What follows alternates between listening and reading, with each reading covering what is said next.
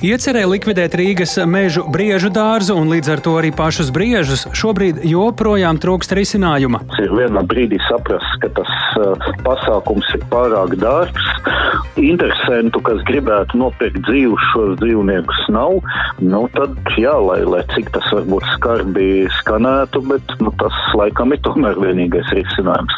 Radījumā pēcpusdienā skaidrosim, vai dzīvnieki būs jānogalina un kādēļ briežu dārza likvidēšana atkal atgriezusies iekļausies dienas kārtībā. Pēc vairāku nedēļu klusēšanas Ziemeļkoreja apstiprinājusi, ka pie viņiem nonācis dezertējušais ASV karavīrs. Tāpat analizēsim Latvijas futbola klubu izredzes šovakar atbildes spēlēs kvalificēties Eirokausu nākamajai kārtai. Par to visu plašāk redzījumā pēcpusdienā kopā ar mani Tāli Eipuru.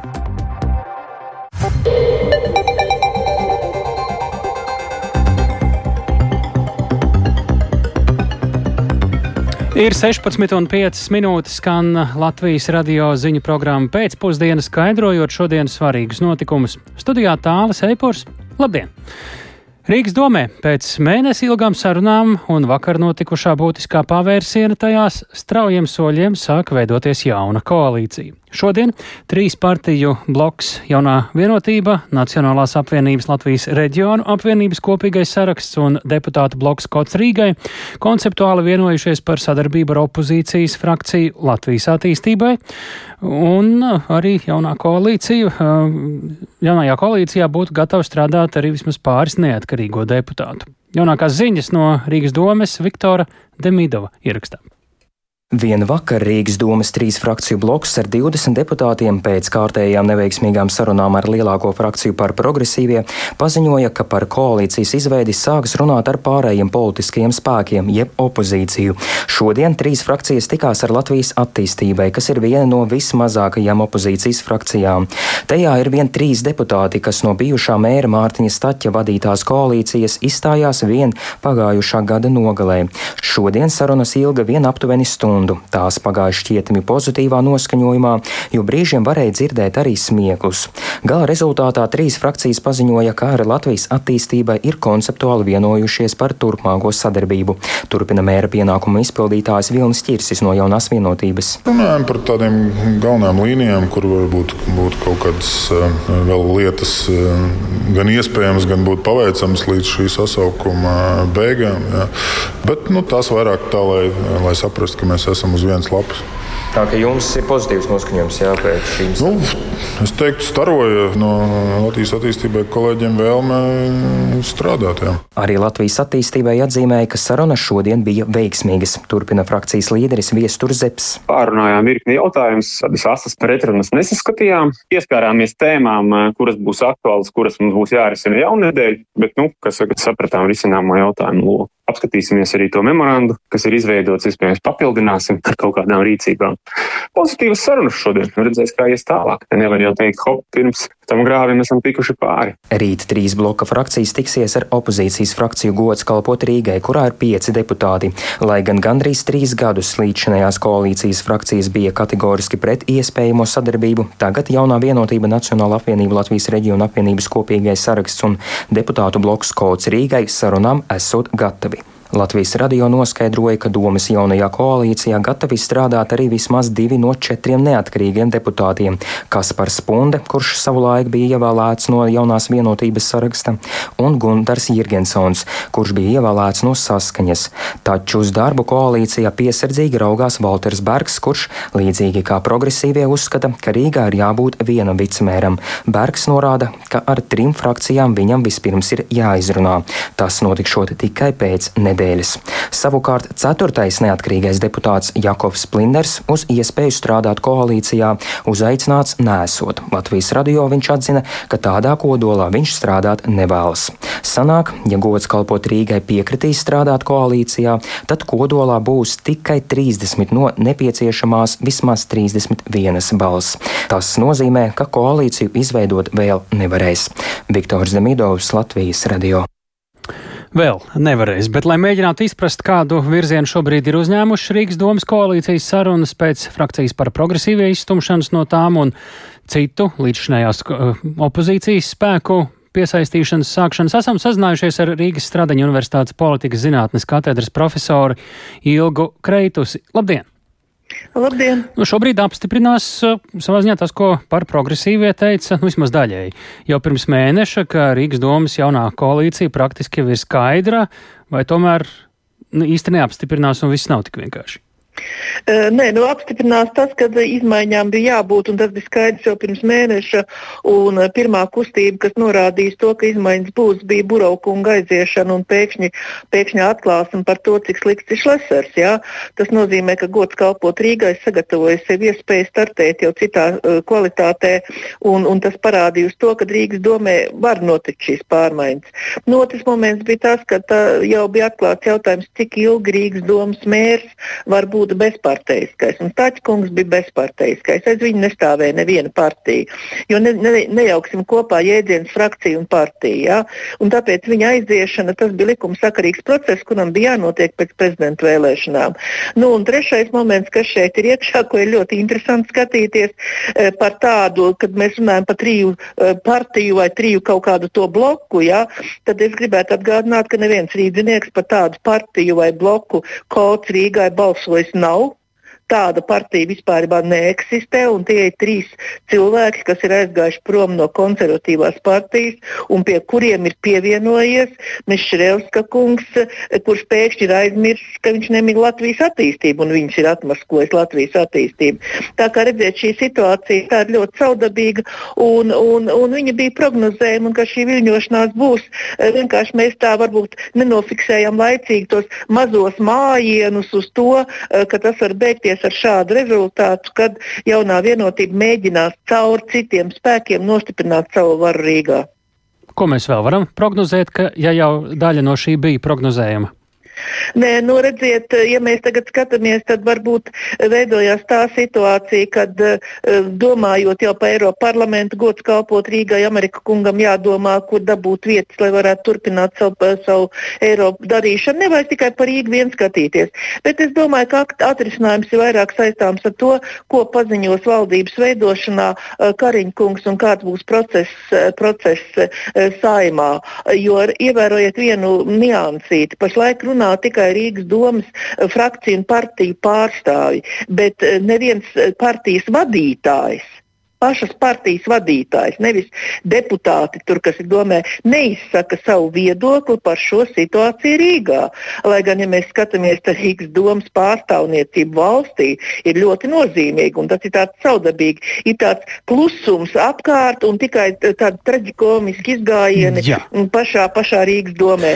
Tā kā man šķiet jāpagaida līdz 15. jo šī bija, un vēl viena lieta, ka progresīvie ļoti labi apzinās savu spēku.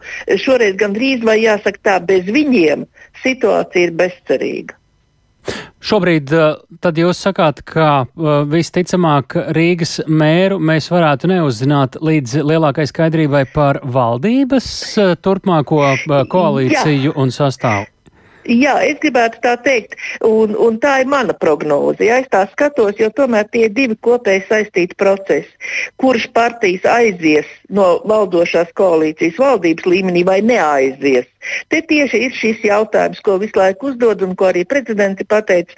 Līdz augusta vidum jābūt skaidram, kādas partijas veidos valdību. Ja? Un te ir pretī tieši tas pats jautājums. Nu, nevar būt tā, ka valdībā mēs strādājam kopā, bet Rīgas domē viens otru neieredzam un nevaram nevienu darbu padarīt līdz galam. Ja?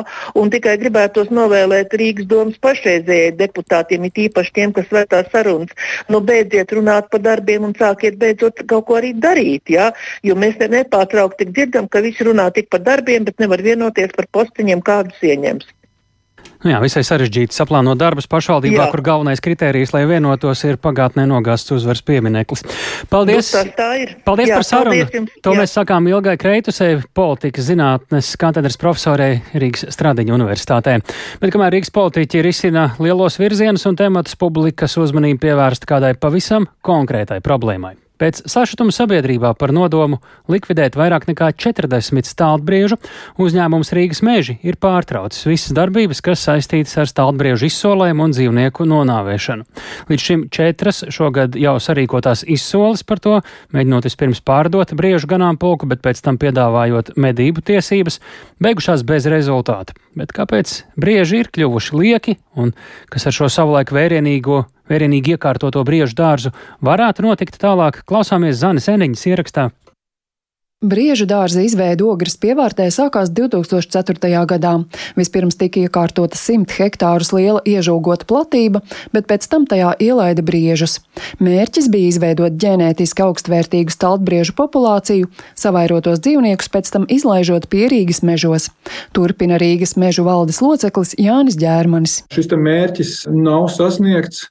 Un, lai šo mērķi sekmīgi sasniegtu, Jau pašā sākumā bija nepieciešama diezgan nu, tāda nu, struktūrēta un sistemātiska darbība tieši pie šī ģenētiskā materiāla papildināšanas nemitīgas, jo tie dzīvnieku skaits, kas tur briežu dārzā sākotnēji teikt, atradās, bija par maz lai viņš tā teikt pats tur um, sekmīgi ģenētiski attīstītos, un tāpēc nepieciešama visu laiku bija jauna, tomēr jaunu dzīvnieku ar labu ģenētisko materiālu nu, papildināšana. Patiesībā visus šos gadus par cilts darbu dārzā neviens nav īsti rūpējies. Staltbrieži vairojušies savā vaļā, veidojusies tūradniecība, līdz ar to ģenētiski ganāmpulks degradējies, skaidro Jānis Ģērmanis. Vēlāk radusies ideja parku pārveidot par mācību struktūru vienību - zaļo klasi, taču arī šī iecerē nav realizēta, jo simt hektāru platībā brieži dzīvo izklaidus un nav novērojami. Līdz ar to tagadējie Rīgas meža apsaimniekotāji nonākuši pie secinājuma, ka dārzs gan prasa lielus ieguldījumus - ap 40 tūkstošiem eiro ik gadu, taču faktiski tā pastāvēšanai un turpmākai finansēšanai no rīdzinieku nodokļiem nav racionāla pamata. Tāpēc meklēt risinājumu, kā dārzu slēgt, bet līdz šim bez panākumiem. Nevienam nav bijis intereses ne pirkt stalbriežus, ne arī tos medīt. Izmitināšanai zoodārzos dzīvnieki nedara, jo pieraduši pie lielākas platības, izlaist dabā arī tos nevar, jo tie daļēji ir piejaucēti dzīvnieki. Turklāt stalbriežu populācija jau tā ir palielināta, savukārt medīt dzīvniekus iežogojumā medniekiem nav nekādas intereses, jo to pietiek savvaļā. Skaidro Latvijas Mednieku Savienības valdes priekšsēdētājs Jānis Baumanis. Faktiski šī ir ferma, nekas cits, lai, lai kā mums cik grūti mums būtu pieņemt, eh, ka briedis var būt eh, mailops, bet šajā gadījumā tie ir mailopi. Šogad ir eh, ļoti bēdīgi ar, ar sienu. Un uh, ticiet, man būs ļoti, nu vai ne ļoti daudz, bet būs daudzas uh, zemnieku saimniecības, kuras pieņems lēmumu vai nu izkaut vai, vai stipri samazināt savus uh, lopu ganāmpulks. Tieši tā iemesla dēļ, ka nav barības vai nevar atļauties viņu nopirkt, viņi tik dārgi. Nu, šeit ir līdzīga situācija. Vienā brīdī saprast, ka tas uh, pasākums ir pārāk dārgs, un, uh, jā, nu, interesantu, kas gribētu nopirkt dzīvus šos dzīvniekus nav, nu tad jā, lai, lai cik tas varbūt skarbi skanētu, bet nu, tas laikam ir tomēr vienīgais risinājums. Komentējot dabas aizstāvju iebildes, ka šāda rīcība ir nežēlīga, Jānis Baumans norādīja, vēl neiedzīgāk bijis bez jebkāda racionāla pamatojuma saulēk šo dārzu ierīkot. Tas noticis laikos, kad tā bija modes lieta.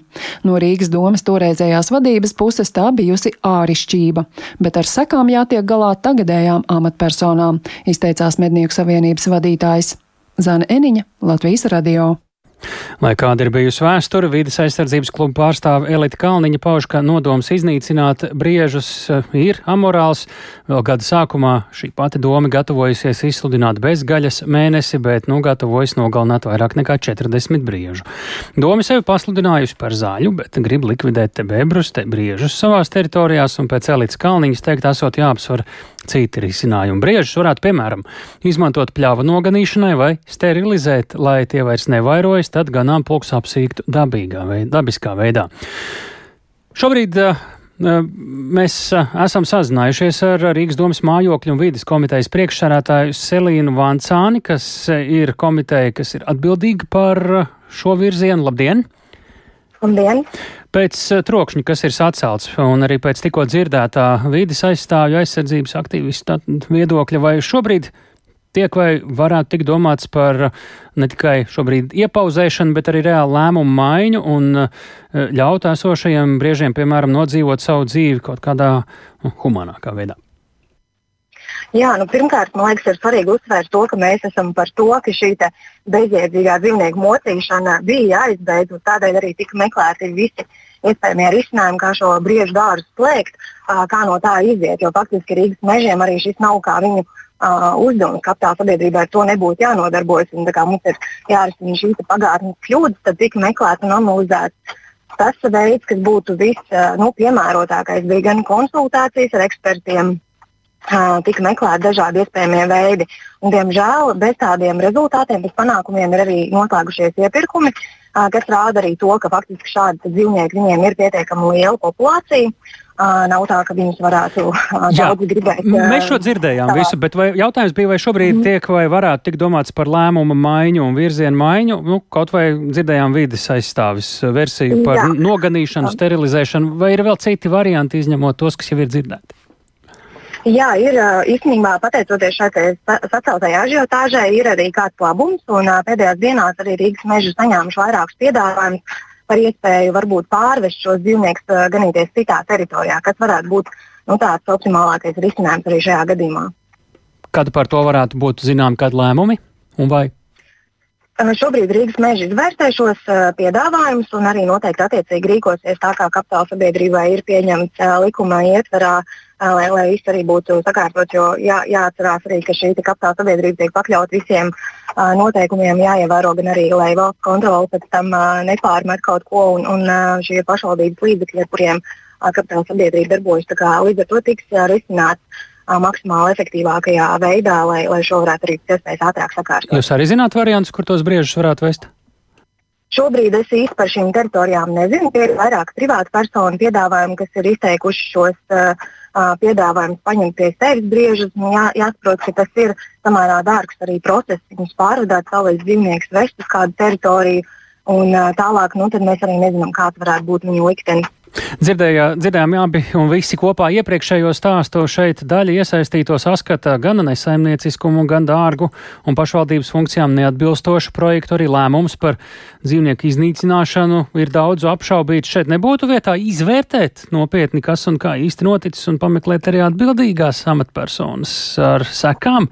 Lēmumu pieņēmējus, nezinu, uzņēmumā Rīgas meži, kādreiz pašvaldībā.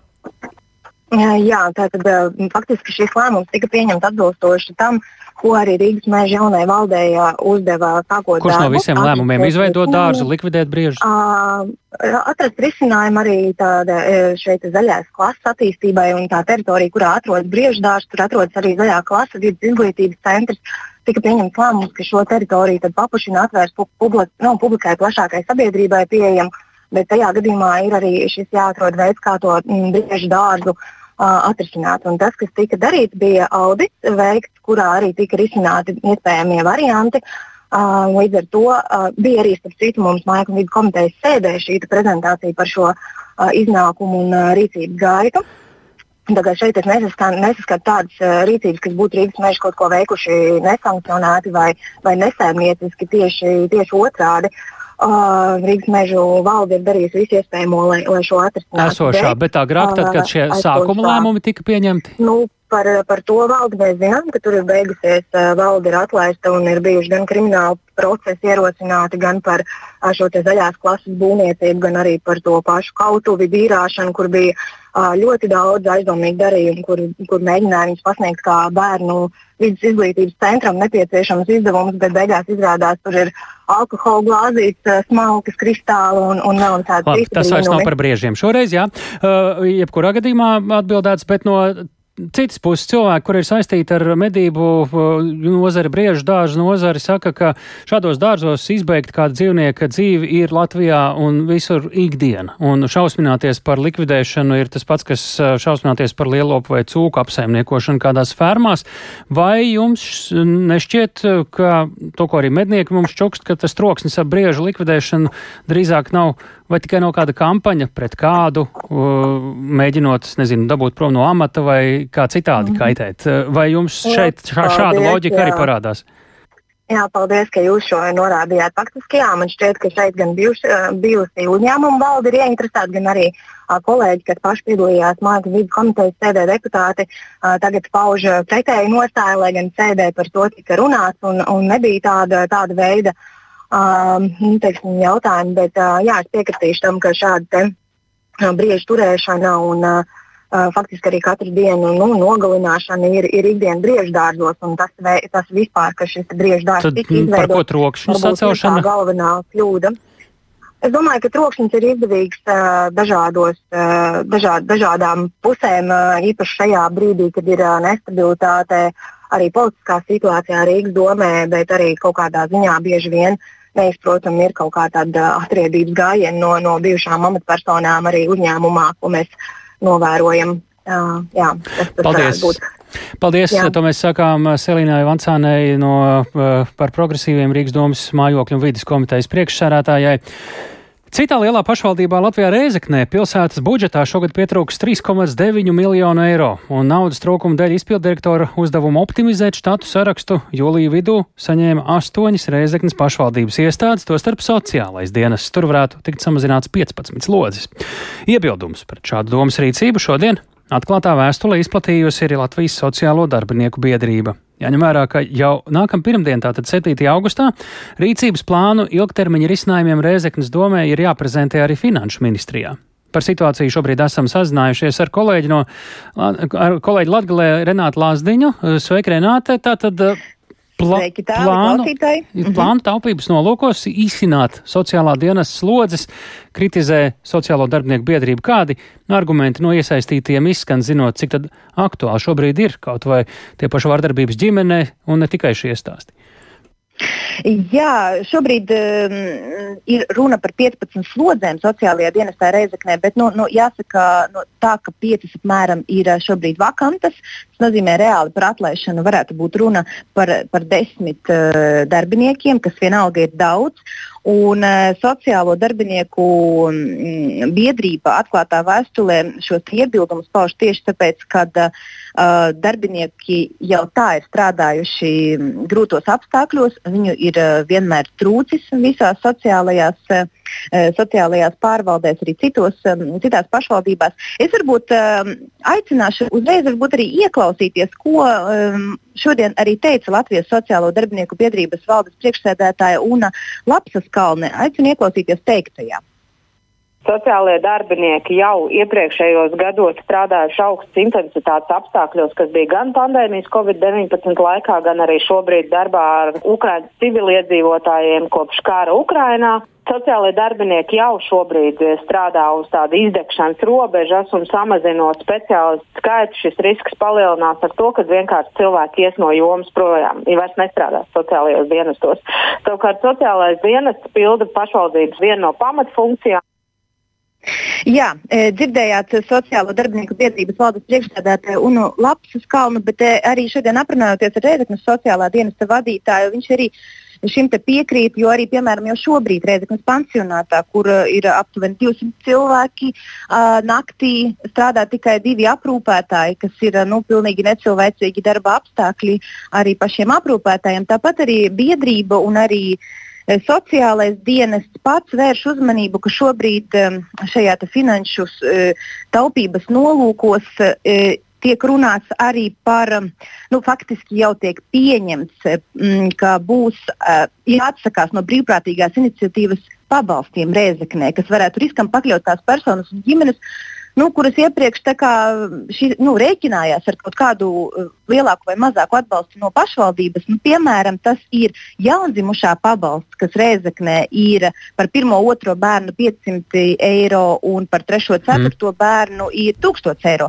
Vēl svarīgs uh, viens no pabalstiem ir tas, ka mm, uh, barošanas pabalsts bērnu dārzos daudz bērnu ģimenēm un bērniem ar invaliditāti, kas, manuprāt, arī kopumā tie ir astoņi pabalstu veidi, no kuriem pašvaldība taupības nolūkos um, cer kā, nu, atteikties. Tam gan ir šobrīd izsludināta um, publiskā apspriešana, jo tik vienkārši arī tas nav.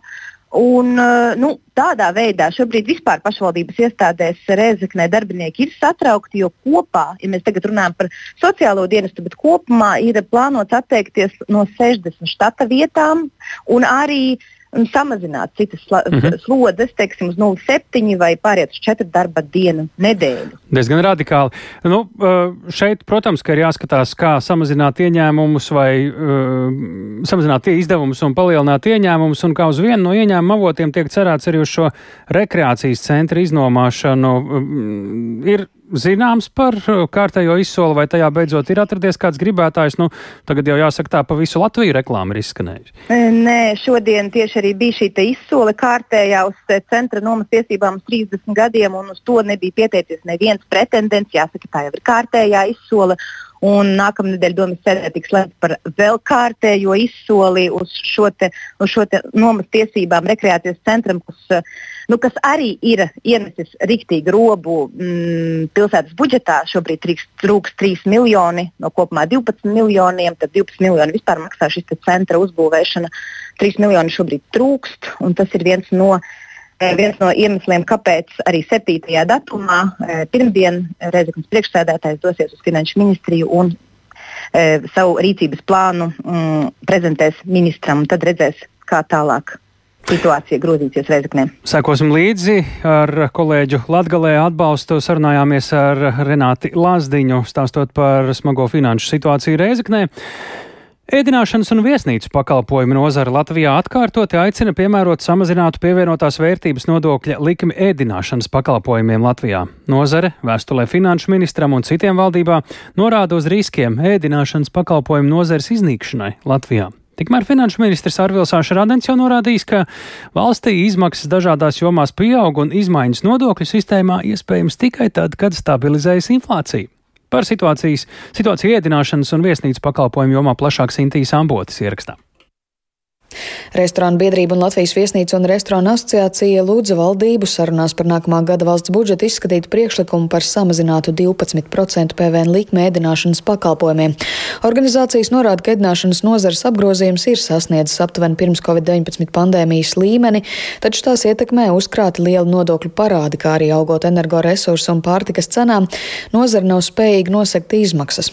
Turpina viesnīcu un restorānu asociācijas izpildu direktora Santa Graikste saglabājot standarta likmi vai nepiemērojot samazināto likmi un esošo uzņēmumu maksāt spēju, kas ēdināšanas uzņēmuma nozarē jau gan ilgu laiku vērtējama kā kritiska, tad, protams, šie uzņēmumi var tikt likvidēti un arī šis nodokļu parāds nekad tad netikt atgūts. Jo mēs arī redzam, ka eh, lielo uzņēmumu segmentā ir samazinājies uzņēmumu skaits un, un arī vidējo uzņēmumu segmentā ir pat par 25% samazinājies, kas norāda, ka tiešām ir šī ietekme bijusi milzīga. Latvija ir viena no retajām Eiropas valstīm, kura nozarei pandēmijas laikā netika piemērota samazināta PVN likme. Līdz ar to Latvijas nozare iepaliek pakalpojumu ziņā pret kaimiņu valstīm. Situāciju iezīmē arī šefpavārs Raimons Zomers.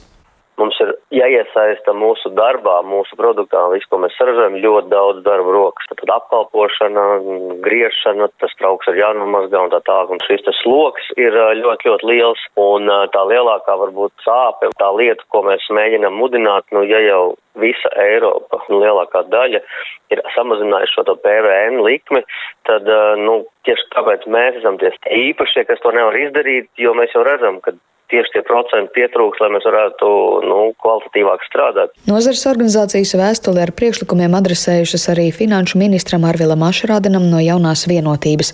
Tikmēr darba devēja nodokļu politikas darba grupā aicinājuši mazināt arī darba spēka nodokļus. Ministrs šorīt Latvijas televīzijai komentējot priekšlikumus sacīja, ka tas varētu būt iespējams paceļot citus nodokļus, bet konkrētus iespējamos scenārijus neatklāja. Vienlaiks ministrs uzsver, ka pieprasījumi pēc valsts izmaksām dažādās jomās pieaug un izmaiņas nodokļu sistēmā iespējams tikai tad, kad stabilizējusies inflācija. Valsts nodokļu sloks iekasējumība ir uh, zemāka nekā salīdzināmās valstīs. Vidēji uh, līdzīga veida valstīs iekasējumība ir apmēram 32% no IKP, mums ir apmēram 30%. Nu, uh, šajā brīdī, kad ir milzīgs pieprasījums pēc izmaksām, kā es teicu, jau drošībā, nu, mēs nevaram būtiski samazināt teikt, nodokļu ieņēmumus.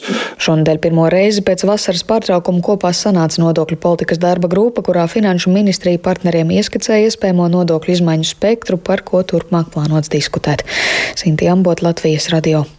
Ukrainā plašs dronu uzbrukums, Ziemeļkoreja apstiprina ASV karavīru apcietināšanu un uzreiz trim Latvijas futbola klubiem šovakar izšķiroši mači Eiropausos. Šie un citi temati raidījumā pēcpusdiena tuvākajās minūtēs.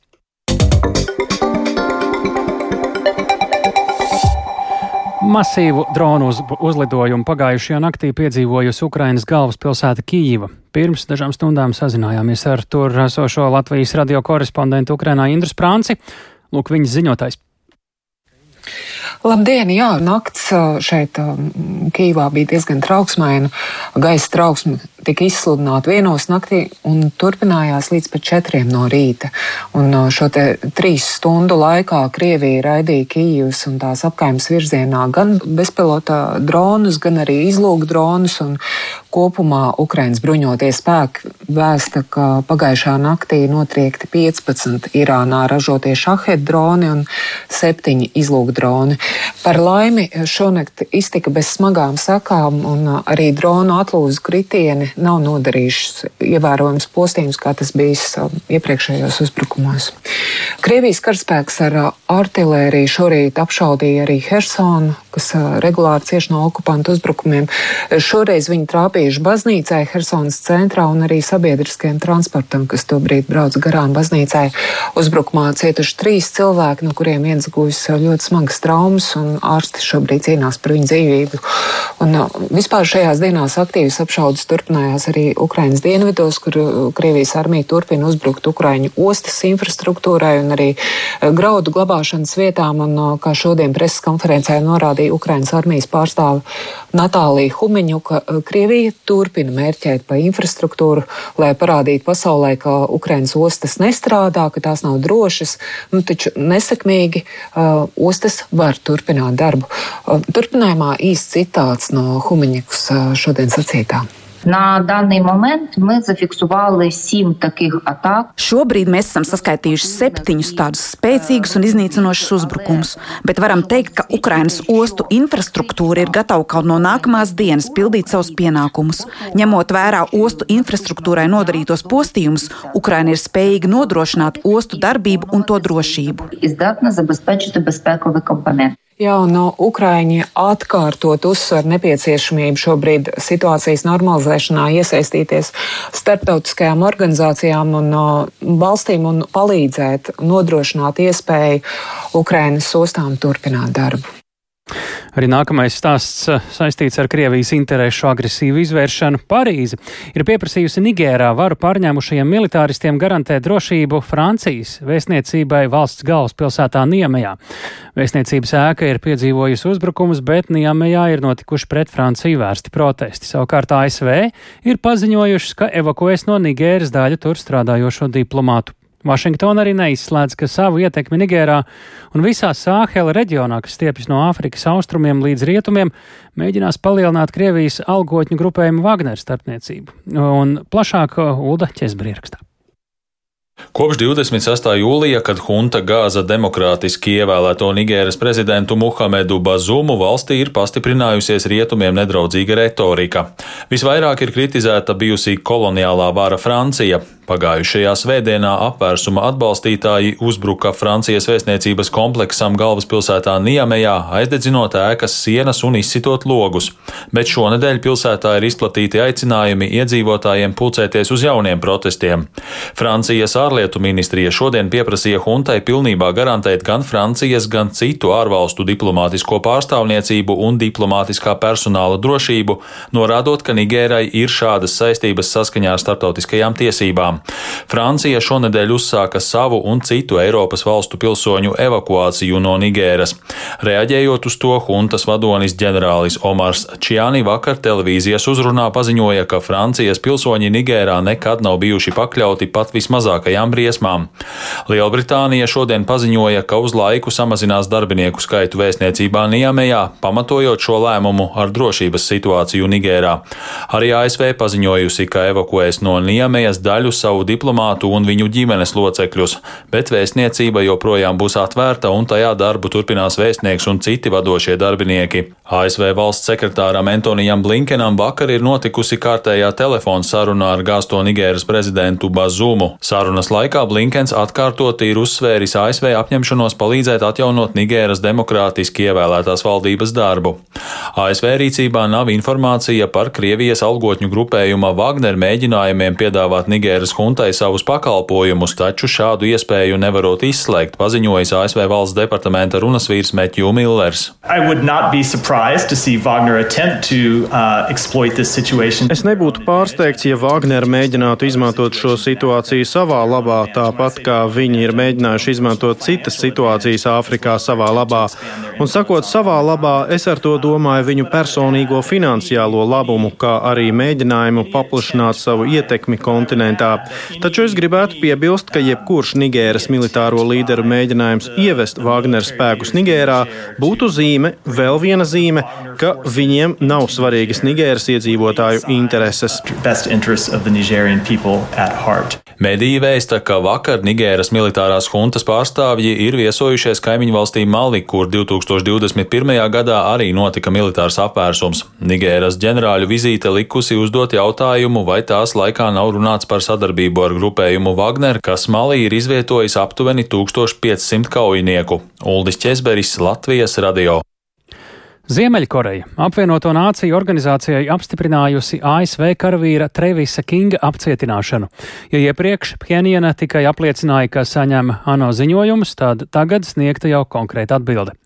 Jau ziņots, ka Trevis Kings, 23 gadus vecs otrās pakāpes ierindnieks, pagājušajā mēnesī piedaloties Turistu ekskursijā uz demilitarizēto zonu starp Ziemeļkoreju un Dienvidkoreju iegāja Ziemeļkorejas pusē un tur arī palika. Turpina Rustams Šukurovs. ANO pavēlniecība paziņoja, ka pašlaik nesniegs sīkāku informāciju par ASV karavīru atrašanās vietu, norādot, ka nevēlas traucēt centieniem viņu nogādāt mājās. Tomēr Ziemeļkorejiešu sniegtā atbilde liecina, ka Phenjana varētu būt gatava uzsākt sarunas. Kā vēsta raidorganizācija BBC, ANO pavēlniecība, kas pārvalda demilitarizēto zonu ar Ziemeļkoreju, saziņai ar Phenjanu izmantoja tiešo telefona līniju, kas savieno ar Ziemeļkorejas armiju. Ziemeļkorejas varas iestādes līdz šim nav publiski izteikušās par Kinga aizturēšanu. Pirms pārbēgšanas Ziemeļkorejas pusē Kings bija apsūdzēts vardarbīgos uzbrukumos un divus mēnešus pavadīja Dienvidkorejas cietumā. 10. jūlijā karavīrs tika atbrīvots un bija paredzēts, ka viņš dosies uz ASV, kur notiks tālākā lietas izskatīšana. Tā vietā Kings pamanījās atstāt lidostu un pievienoties turistu grupai, kas devās uz demilitarizēto zonu. Kings ASV armijā dienē kopš 2021. gada janvāra un ir izlūkošanas speciālists, kurš sākotnēji bija norīkots uz ASV armijas pirmās bruņotās divīzijas daļu Dienvidkorejā. Demilitarizētā zona atdala abas Korejas, un tās robeža ir viena no visspēcīgāk nocietinātajām teritorijām pasaulē. Šī teritorija ir piepildīta ar mīnām, to ieskauj elektriskie un dzeloņstiepļu nožogojumi un novērošanas kameras. Tāpat tur izvietoti bruņoti robežsargi. ASV un Ziemeļkorejai nav diplomātisko attiecību, līdz ar to Zviedrijas vēstniecība Phenjanā veids sarunas ASV vārdā. Taču pašlaik tās diplomātiskais personāls neatrodas Phenjanā, jo kopš Covid-19 pandēmijas sākuma ir apgrūtināta ieceļošana valstī. Karavīra aizturēšana sagādā lielas ārpolitikas galvas sāpes ASV prezidenta Džo Baidena administrācijai. Oficiāli Kings ir vienīgais ASV pilsonis, kas pašlaik atrodas apcietinājumā Ziemeļkorejā. Tāpat apcietinājumā Ziemeļkorejas teritorijā atrodas seši dienvidkorejieši. Rustam Šukurovs, Latvijas Rādio. Uzreiz trim Latvijas futbola klubiem šovakar atbildes mači UEFA konferences līgas kvalifikācijas otrajā kārtā. Divas spēles izbraukumā, viena Rīgā, šovakar Auda Slovākijas pilsētā Trnavā sāks maču pret vietējo Sparta komandu. Pirmajā spēlē pret potenciāli spēcīgāko pretnieku Auda cīnījās neizšķirt viens viens un saglabā labas izredzes pacīnīties par uzvaru. Šajā kārtā Azerbaidžānā Baku Rīgas RFS jāspēlē pret Masazīras Sabah. Pēc pirmās spēles rīdzinieki riedzinējos ar 0-2. 2, bet eh, Latvijā vietējie fani klātienē šovakar var doties uz konto stadionu, tur Riga uzņems Ketsksmet eh, klubu no Ungārijas. Arī viņiem uzvarai jāgūst uh, divi vārti, atspēlējot arī viņiem, bet viņiem jā, jāgūst divi vārti, atspēlējot starpību no viens pret divi. Kuram no Latvijas klubiem spriežot pēc pirmajām spēlēm un skatoties uz arī komandu spēku uz papīra, ir labāks izredzes iekļūt nākamajā kārtā. Vairāk saprast mēģināsim īsā sarunā ar Edmundu Rovicki, sporta mediju sporta centra koma apskatnieku. Labdien! Pēcināt. Nu, tā arī ir, ka rezultāti pēc pirmajām spēlēm atspoguļo arī to aptuveno spēku samēru un izredzes laukumā un naudu arī pēc spēles bija un varētu būt vistuvāk uzvarai, vai tomēr labas izredzes arī pacīnīties par uzvaru ir Riga un RFS klubiem? Nu, īstenībā viss ir mazliet citādi nekā parāda rezultāti, jo šajās pirmajās spēlēs netrūka tādu īpašu notikumu, kas ietekmēja gala rezultātu. Pirmkārt, par audu, tā objektīvi spriežot, audai, neskatoties uz neizšķirtu pirmajā spēlē, sevišķi daudz cerību nav, vismaz uz papīra un pirms spēles. Un to neizšķirtu Rīgā ietekmēja tas, ka pretinieki nevainīgā situācijā jau pirmajā puslaikā saņēma sarkano kartīti, un nauda varēja spēlēt vairākumā, un vairākumā arī atspēlējās no 0-1 uz 1-1. Un cik palasīju viņu mēdījus, Slovāku mēdījus, nu, tad viņi runā par to, ka ātri vien jāgūst pirmie vārti, un tad būs vieglāk, un kopumā viņi sagaida pārliecinošu uzvaru, nu, kas droši vien arī nav tālu no patiesības. Protams, ka ir iespējas, un mūsu puse cer varbūt aizvilkt līdz tam papildliekam un, un pacīnīties, bet noteikti būs sarežģīti. Un uz papīra vislabākās cerības no mūsu trim komandām ir tieši Riga komandai. Pirmkārt, tas, ko minējāt, ka šovakar konto stadions ar savu līdzekļu, ar savas mājas. Tas ir tas iemesls, nu, un otrs iemesls, ka tā pirmā spēle bija visnotaļ līdzīga. Arī tur neiztika teiksim, bez viena īpašā notikuma. 11 metru soda sitiena, ko pretinieki arī uz līdzenas vietas dabūja, kur var arī apšaubīt tiesašu lēmumu. Un, nu, tur grūti klājās, bet savā laukumā būtu jābūt citam stāstam. Tā kā uz Rīgas ceram. Nu, un ar FS vissmagākajā situācijā no visām trim komandām, lai gan arī šeit interesanti, ka pirmajā spēlē ļoti daudz vārtu gūšanas iespējas izveidoja mūsu komanda un principā dominēja. Arī pretinieku treneris bija tā, teiksim, tā viegli šokēts par to, cik, cik labi izskatījās Rīgas komanda. Bet futbolā mēdz tā notikt, ka tu esi labāks, tomēr tu zaudē. Un uh, par pretuzbrukumiem ar veiksmes palīdzību Azerbaidžānas komanda uzvarēja ar 2-0, bet viņu treneris vakar, atšķirībā no Slovāku pašpārliecinātības, tātad Azerbaidžāņu treneris sacīja, ka šeit nekas nav beidzies un ir ļoti jāuzmanās, jo RFS ir spēcīga komanda. Nu, runājot par šeit Rīgā šovakar vērojamo spēli, vai kādu laikapstākļu, uh, nu, uz to kārtīgiem līdzstējiem ir jāiet, kādu futbolu tur varētu ieraudzīt. Nu, Nē, nu, ir jāuzvar. Jā, es, Es jums teikšu tā, ka līdz tam noteikti jānāk stadionā kaut vai tā iemesla dēļ, ka, ja ir lietus, tu nevari doties uz pludmali, tu nevari izbaudīt uh, dabu. Pareizi. Bet stadionā ir jumts, un tu vari paslēpties un vērot futbolu komfortablos apstākļos. Tā kā šeit nevar meklēt attaisnojumus, lai nenāktu uz stadionu. Un futbols lietainā Bet... laukumā ir neprognozējamāks un interesantāks. Arī tas noteikti, arī tas noteikti, lai gan uh, kopumā pat ja nav lietus, vienmēr laukums tiek laistīts, lai tā bumba ripotu pa zālīti ātrāk un uh, futbols būtu skatāmāks. Un īstenībā arī tam stiprākajām komandām mēs ticam, ka esam stiprāka komanda, ir parocīgāk spēlēt uz ātrā laukuma, tā kā noteikti labs laukums uh, nenāks mums par ļaunu. Jau aizvakar, kā pirmā no četriem Latvijas klubiem trešajā konferences līgas kārtā iekļuva Valmiera pēc San Marino čempionu sagraušanas. Valmieriešiem jau skatījos kalendārā nākamā ceturtdiena savās mājās jau nākamajā kārtā būs jātiekas ja es visu pareizi sareiķināju uz papīra atkal par uh, labu tiesu spēcīgākajiem uh, Albānijas uh, klubu Partizānī, kam te būtu jāgatavojas spēlētājiem un ar ko jārēķinās faniem? Nu, īstenībā diezgan grūti novērtēt to spēku samēru. Es domāju, ka tā atšķirība starp abām komandām varētu nebūt būtiska. Valmieru gan ir satricinājušas pēdējās dienās tieši tie sastāva jaunumi, ka pāris spēcīgi līderi ir devušies prom. Un, nu, Valmierē ir tā komanda un tas klubs, kurš izmantos iespēju Ja aizsūtītu spēcīgāku klubu, tad aizsūtīs, tā kā ir sastāva robi, bet nu, arī Albānijas čempionu vienība nav tāds liela mēroga grants, un skaidrs, ka tā Eiropas sistēma ir tāda, ka čempionu vienībām ir parocīgāk un ir reālāk aizkļūt līdz tam grupu turnīram. Līdz ar to jau tik vēlā stadijā, kā trešā kārta, ja mums pieminētajām šī vakara mūsu komandām, abām divām Rīgām, un, un, un šīm vienībām ir 4. Eh, un 3. kārtā potenciāli jau ir iespējami pretī Eiropas grandi, tad Valmiera cīnās ar Albānijas čempioni, kas ir nu, no mūsu plauktiņa.